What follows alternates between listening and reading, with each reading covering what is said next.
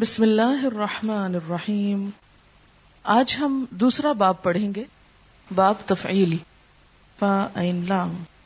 یہ ہے basic route فیل کا بنیادی سے حرفی لفظ۔ اس سے مجرد کی ماضی کیا بنتی ہے؟ فا لا۔ افعال میں کیا بنے گا؟ اف اضافہ کہاں ہوا تھا؟ الف کا اضافہ ہوا تھا۔ جب الف کا اضافہ ہوا تو یہ جو فا آلہ کی فے ہے، یہ ساکن ہو گئی۔ کیونکہ ادر وائز آپ پڑھ کے دیکھیں، فا آلہ کے شروع میں الف بڑھا کے، اگر الف بڑھائیں گے تو آفا آلہ، منہ پہ ٹکے گئی نہیں۔ اس لیے اس کو کیا بولا گیا؟ اف آلہ۔ اضافہ کیا ہوا؟ الف کا۔ آج ہم دوسرا باب پڑھیں گے، جس میں این کا اضافہ ہوگا۔ اف آلہ کیا بن جائے گا؟ این پہ شد ہے، جو اصل میں انڈیکیٹ کرتا ہے اس وزن کو فے این این لام فا یہ اصل میں تو تھا کیا؟ فا ٹھیک ہے؟ کوئی فیل تین حرف سے کم نہیں ہوتا۔ مثلا، حرف جو ہوتا ہے، من، کتنے حرف ہے؟ دو، ان، دو۔ لیکن کوئی بھی فیل تین حرف سے کم نہیں ہوگا۔ ٹرائی لیٹرل ہوگا۔ ٹھیک ہے؟ اب ان کو ہم ذرا توڑتے ہیں۔ فے این لام۔ الف، فے این لام۔ فے این این لام۔ اور جب یہ این این جمع ہوتا ہے تو کیا بن جاتا ہے؟ شد۔ ٹھیک ہے؟ فا یہ ہے اس کی پہلی حالت۔ اچھا۔ اب آپ دیکھیے کہ ہم نے جب ان کا مظاہرے بنایا تھا تو کیا کیا تھا؟ فا سے یا فعلو اف لا تفعل. یہ بیسک فور شیپس ہیں فیل کی۔ ماضی مظاہرے امر، نہیں۔ ٹھیک ہے؟ کیا، کرتا ہے، کرے گا، کر، نہ کر۔ اچھا۔ اب ہم نے افعال میں جب مزید میں لے گئے اس کو تو کیا کیا؟ اف آلہ یوف ایلو اف ال لا تف ٹھیک ہے؟ آج ہم اس میں اضافہ کر رہے ہیں فا کا۔ فا آلہ یو فا ایلو فا لا تو فا ٹھیک ہے؟ جو بیسک روٹ ہوتا ہے وہ نہیں مسنگ ہوتا کہیں۔ لیکن اس کی شیپ چینج ہوتی ہے۔ کیوں چینج ہوتی ہے؟ معنی میں فرق کے لیے۔ معنی میں کہیں شدت، کہیں زیادتی کہیں مبالغہ، کہیں تکرار۔ ٹھیک؟ فعلا يفعل فعل تفعل۔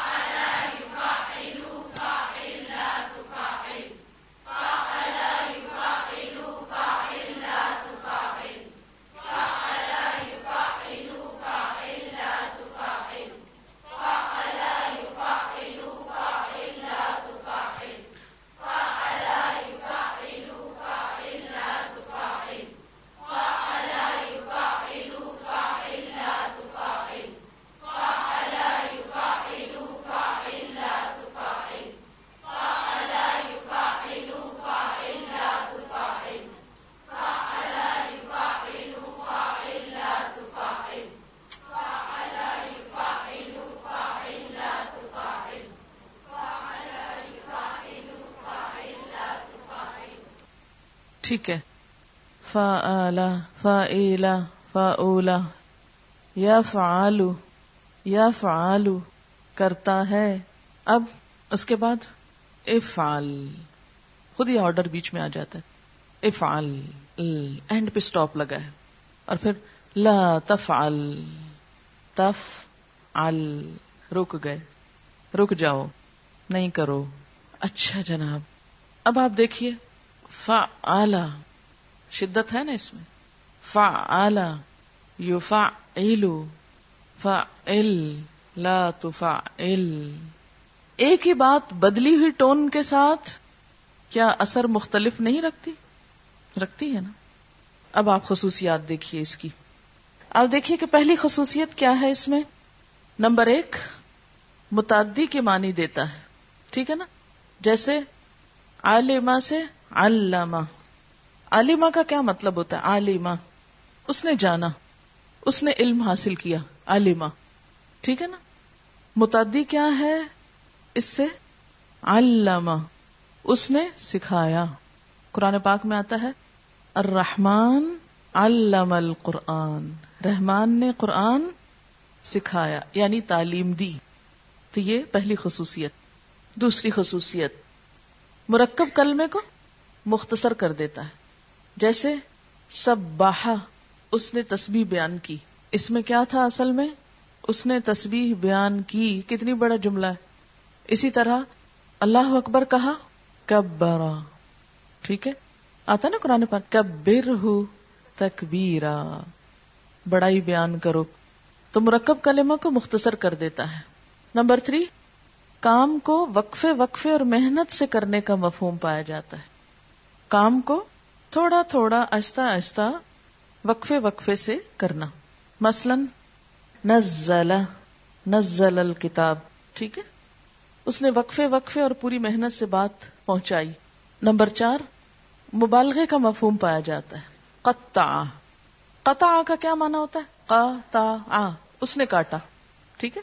لیکن قطع اس نے ٹکڑے ٹکڑے کر دی، چھوٹے چھوٹے پیس کر دیے۔ قطع۔ ٹکڑے ٹکڑے کر دیا۔ قتلا مثلا قتلا کا کیا مانا ہے؟ اس نے قتل کیا۔ ہمیں نہیں معلوم کیسے کیا۔ لیکن اگر یہ کہا جائے نا قتلا ہے وہی قتلا لیکن ساتھ ہی سننے والے کو سمجھ میں آ جائے گا کہ اس نے پیسز میں قتل کیا۔ قتلا ٹھیک ہے؟ نیکسٹ کبھی کبھی باب افعال کے مخالف مانے دیتا ہے۔ اس کے اپوزٹ لاتا ہے۔ مثلا فراتا اس سے اگر ہم افعال میں لائیں تو یہ کیا بنے گا؟ افرات اور افراد کا کیا مانا ہوتا ہے؟ حد سے بڑھ جانا۔ اور تفرید کیا ہے؟ اسی کا اپوزٹ کم ہونا۔ تو اب آپ نے دیکھا کہ جب لفظ فعلا بولا جائے گا تو کتنی آپشنز ہیں معنی میں؟ ٹھیک ہے؟ یعنی باب افعال میں جو مانا پایا جاتا ہے تفیل میں اس کے اپوزٹ پایا جاتا ہے۔ ٹھیک ہے؟ اب ایسا ہے کہ باب تفیل میں ماضی اور مظاہرے کی گردان کریں گے۔ ماضی کی کرتے ہیں اور پھر کچھ مثالیں۔ فعل يفعل فعل لا تفعل۔ فعل يفعل فعل لا تفعل۔ پانچ دفعہ کہیے۔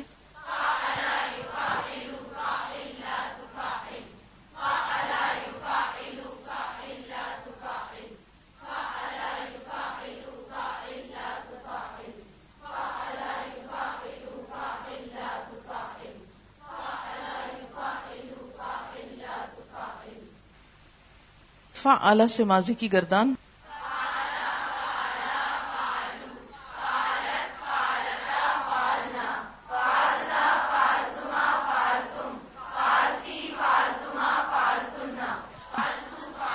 فعل فعل فعلوا فعلت فعلتا فعلنا فعلت فعلتما فعلتم. فعلت فعلتما فعلتم فعلت فعلتما فعلتن. فعلت فعلنا.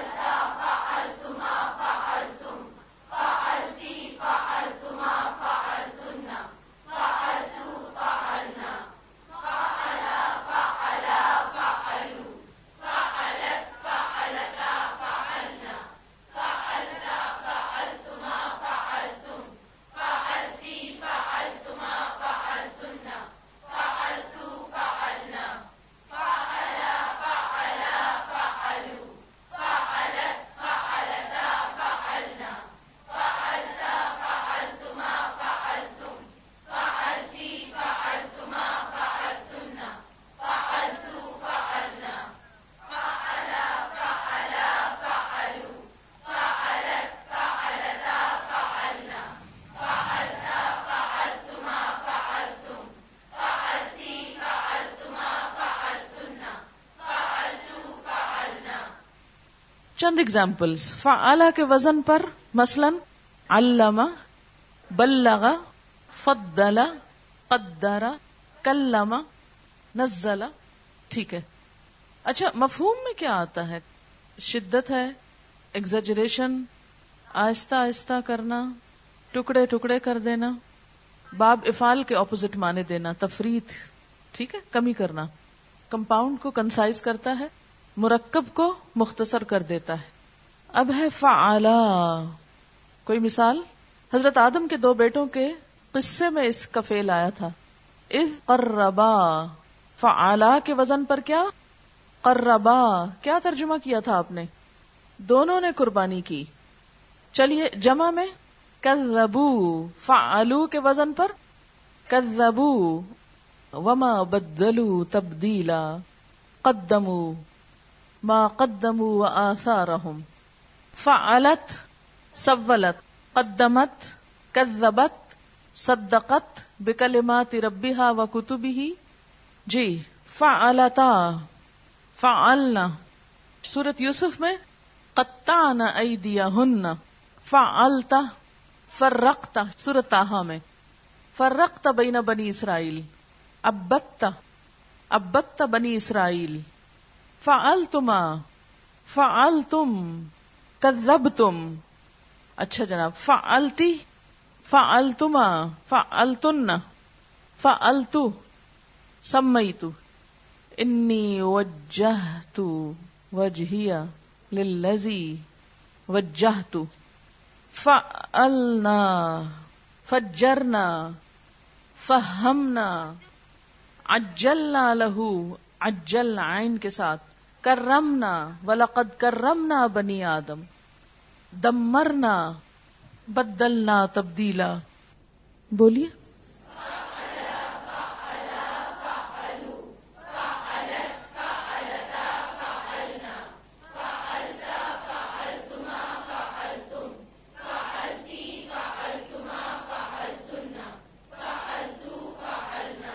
ایک اور مادے سے یہی گردان، مثلا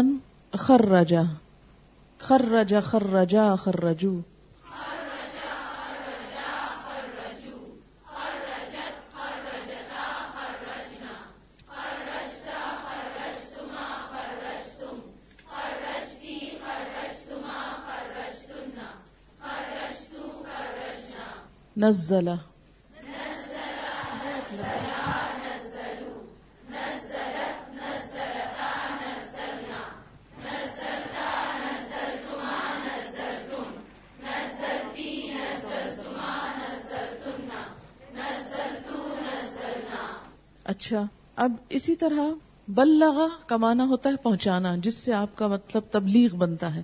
یعنی اگر آپ کہیں گے نا بلغا، تو اس نے تبلیغ کی، ٹھیک ہے؟ بلاغا کا کیا مانا ہوتا ہے؟ پہنچا۔ اور بلغا، پہنچایا۔ اب ذرا بلغا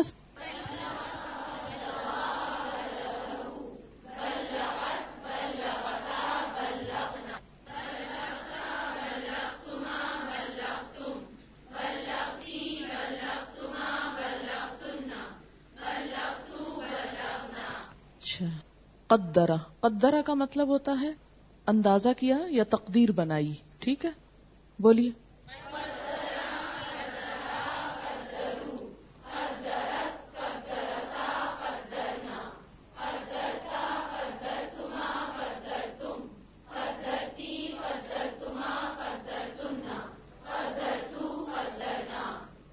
فکرا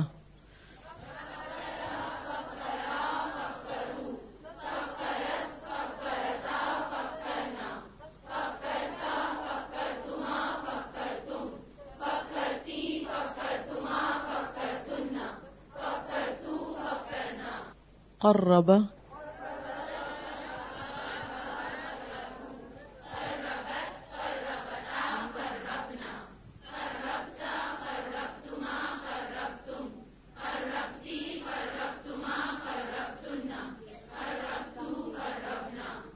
كذب.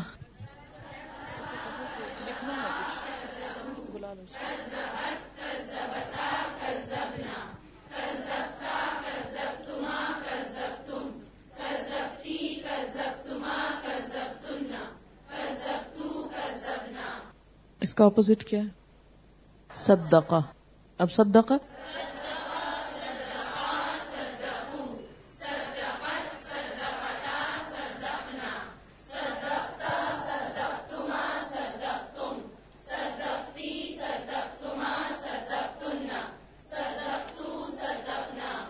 عذب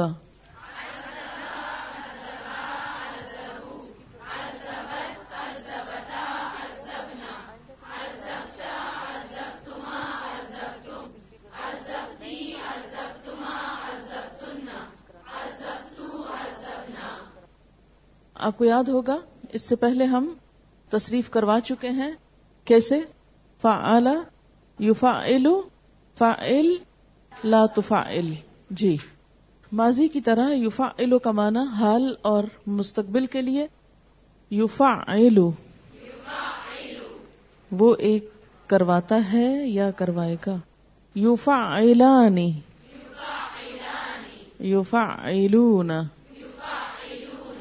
یوفا ایلون تفا ایلو تفا ایلانی یوفا ایلنا تفا ایلو تفعلان تفعلون تفعلين تفعلان تفعلن أفعل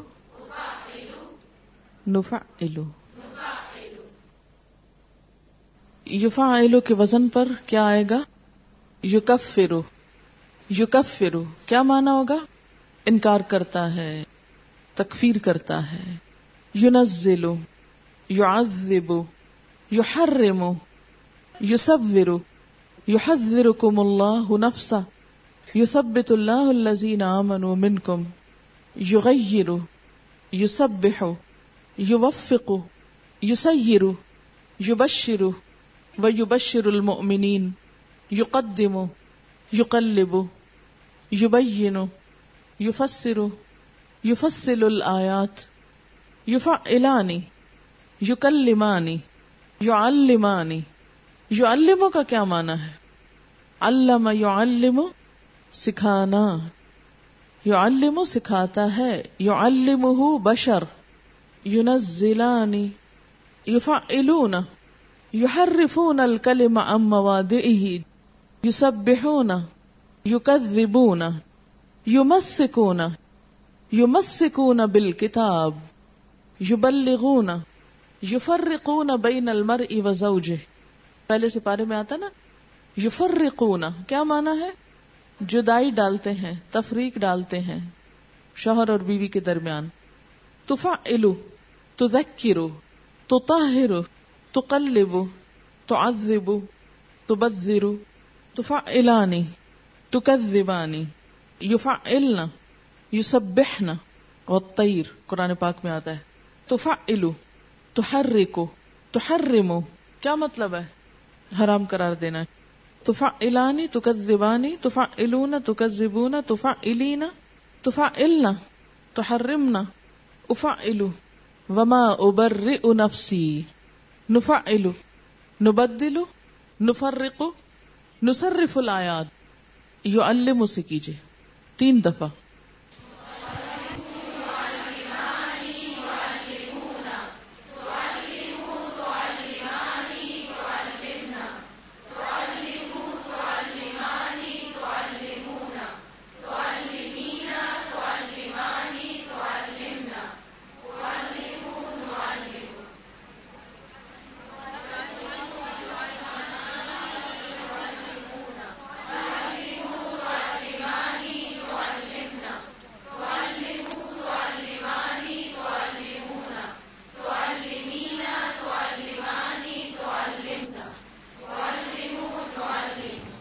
باب تفیل سے فیل امر کی گردان۔ فیل امر کس سے بنتا ہے؟ مزارے ہم نے کیا پڑھا ابھی مزارے میں؟ یفعلو۔ فعل۔ کیا معنی بنتا ہے؟ کراؤ۔ بہت شدت کے ساتھ۔ فعل۔ فعلا۔ فعلو۔ فعلی۔ فعلا۔ فعلنا۔ امر ہی سے پھر مزارے کی طرف پلٹتے ہیں واپس اور نہیں کے سیغے، چونکہ واحد حاضر کے سیغے ہوتے ہیں چھ، اس لیے تفا علو سے کیا بن جائے گا؟ لا تفا ال لا تفا ال لا تفا الا لا تفا علو لا تفا علی لا تفا الا لا تفا اب پڑھیے اس کو۔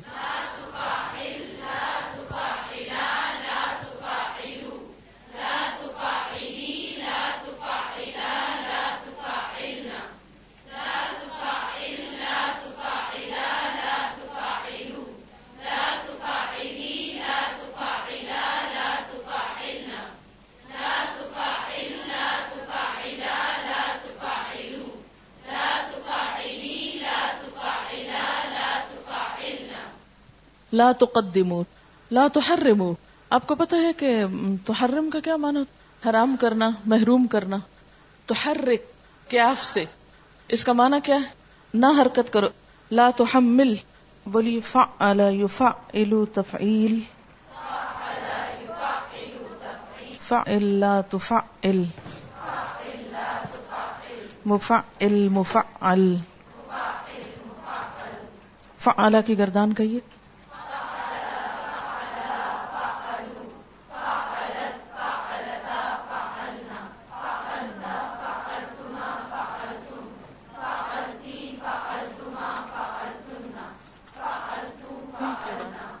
باب تفیل سے فائل کی گردان پڑھیں گے۔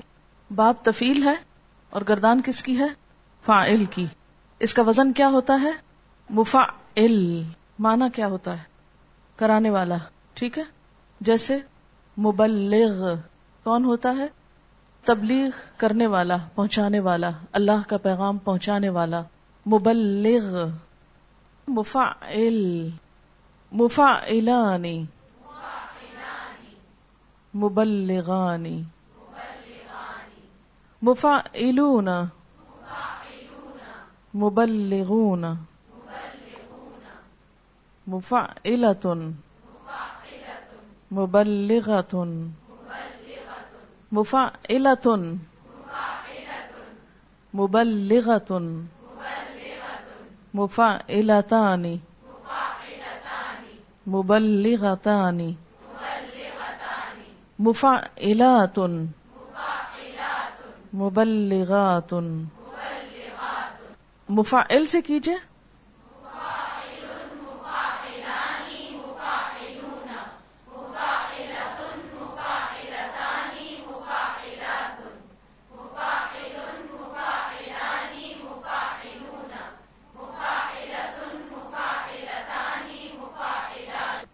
اب مفول کی گردان پہ آتے ہیں۔ فائل اور مفول میں فرق صرف زیر اور زبر کا ہے۔ ٹھیک ہے؟ مفعل مفعل ہو جاتا ہے، محرم، جو چیز حرام کر دی گئی۔ ٹھیک ہے؟ یہ قرآن میں استعمال ہوتا ہے۔ محرم، جس کو حرام کیا گیا، وہ چیز جو حرام کی گئی۔ اور محرم کون ہے؟ حرام کرنے والا۔ اب آپ دیکھیے کہ اگر کرنے والے کو آپ محرم کہہ دیں، تو معنی میں خود ہی فرق پڑ جائے گا۔ منزل اتارا گیا۔ منزل جو چیز اتاری گئی۔ اچھا اسی طرح ایک لفظ ہوتا ہے منظم اور منظم، ٹھیک ہے؟ منظم کون ہوتا ہے؟ انتظام کرنے والا، اور منظم لوگ ہوتے ہیں، جن لوگوں کے اندر ڈسپلن ہو، ٹھیک ہے؟ وہ کون ہوتے ہیں؟ فلاں ادارہ بہت منظم ہے، یہ کام بہت منظم طریقے سے ہوا، یہاں یہ نہیں بولیں گے آپ منظم ہوا، کیوں؟ اس لیے کہ وہ تو کرنے والا ہے، مکرم، زبر کے ساتھ ہے، عزت دیا گیا۔ اچھا مکہ کیا ہے؟ مکہ تل مکرمہ، مدینہ منورہ منورہ نہیں کہیں گے۔ کیا ہے؟ منورہ، کیونکہ نبی صلی اللہ علیہ وسلم نے وہاں تشریف آوری فرما کر اس کو منور کیا۔ مقرب مقرب۔ اس میں بھی غلطی ہوتی ہے عام طور پہ۔ مقرب کس کو کہتے ہیں؟ قریب کرنے والا۔ اور مقرب وہ بندہ جو قریب ہو۔ کس کے؟ مثلا اللہ کے۔ فلاں شخص اللہ کے مقرب بندوں میں سے ہے۔ اور اگر ہم اس کو یہ بولیں، مقرب بندوں میں سے ہے تو کیا نکلے گا نتیجہ؟ الٹ ہو جائے گا مانا کہ لوگوں کو قریب کر رہا ہے خود اپنی ہوش نہیں۔ متحرا قرآن پاک میں آتا نا متحر متحرا تن جس کو پاک کیا گیا۔ اور متحر کون ہوا؟ پاک کرنے والا۔ جی محمد۔ اس کا معنی کیا ہوا؟ تعریف کیا گیا۔ کیسی تعریف؟ اب ذرا معنی لائیے۔ مبالغہ ہے نا اس میں؟ باب تفیل میں مبالغے کا معنی ہے نا؟ تو محمد بہت زیادہ تعریف کیا گیا، خود بخود اس میں آ جائے گا۔ مکرم بہت عزت کیا گیا، منور بہت روشن کیا گیا متحر بہت پاک کر دیا گیا۔ مقدس، ہم عام طور پہ اس میں بھی غلطی کرتے کیا کرتے بہت مقدس ہستیاں ہیں۔ مقدس کا معنی ہے تقدیس بیان کرنے والا۔ فعلا سے ماضی کی گردان کیجیے۔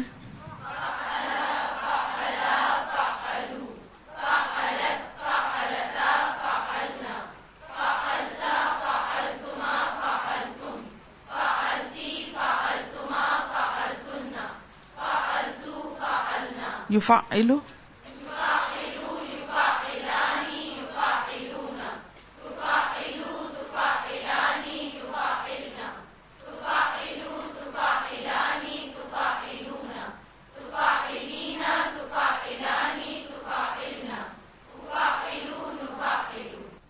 باب تفیل سے ماضی مجھول کی گردان۔ فعلا کیا بن گیا؟ فو ایلا، ٹھیک ہے۔ فعلا فعلا فعلو فعلت فعلتا فعلنا فعلتا فعلتما فعلتم فعلتی فعلتما فعلتن فعلت فعلنا سورت محمد کی آیت دو ہے، بما نزلہ علی محمد نزلہ فعلا کے وزن پر نزلہ سورت النحل میں بشرا اذا بشرا احدکم بالانسا ظل وجهه مسودا وهو قظیم مانا کیا ہے بشرا کا؟ خوشخبری دیا گیا۔ وہ ایک شخص خوشخبری دیا گیا۔ بشرا وہ دو لوگ خوشخبری دیے گئے۔ مجھول ہے نا؟ زینا زینا للناس حب الشہوات۔ ذکرا مطلب کیا ہے؟ نصیحت کیا گیا، یاد دہانی کرایا گیا۔ ہم ملا اس کی مثال لائیے قرآن سے۔ سورت میں ہم ملنا کون سا والا سیگا بنے گا؟ ہم ملنا جمع متکلم۔ فصلت۔ سکرت ابسارنا عطلت۔ کورت۔ از شمس کورت۔ سجرت۔ از نفوس زوجت۔ امیت مزار مجھول کی بھی آج ہی کر لیتے ہیں تاکہ ہم آگے کے اباب کو بھی دوہرا سکیں۔ فعل یفعل تفعیل۔ فعل یفعل۔ فعل یفعل۔